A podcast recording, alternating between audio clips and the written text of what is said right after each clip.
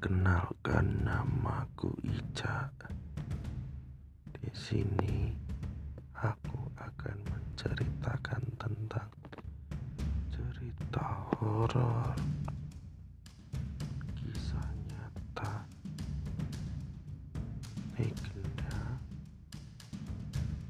maupun urban legend dan mitos yang ada di Indonesia. Jadi tetap di sini ya guys. Salam horor.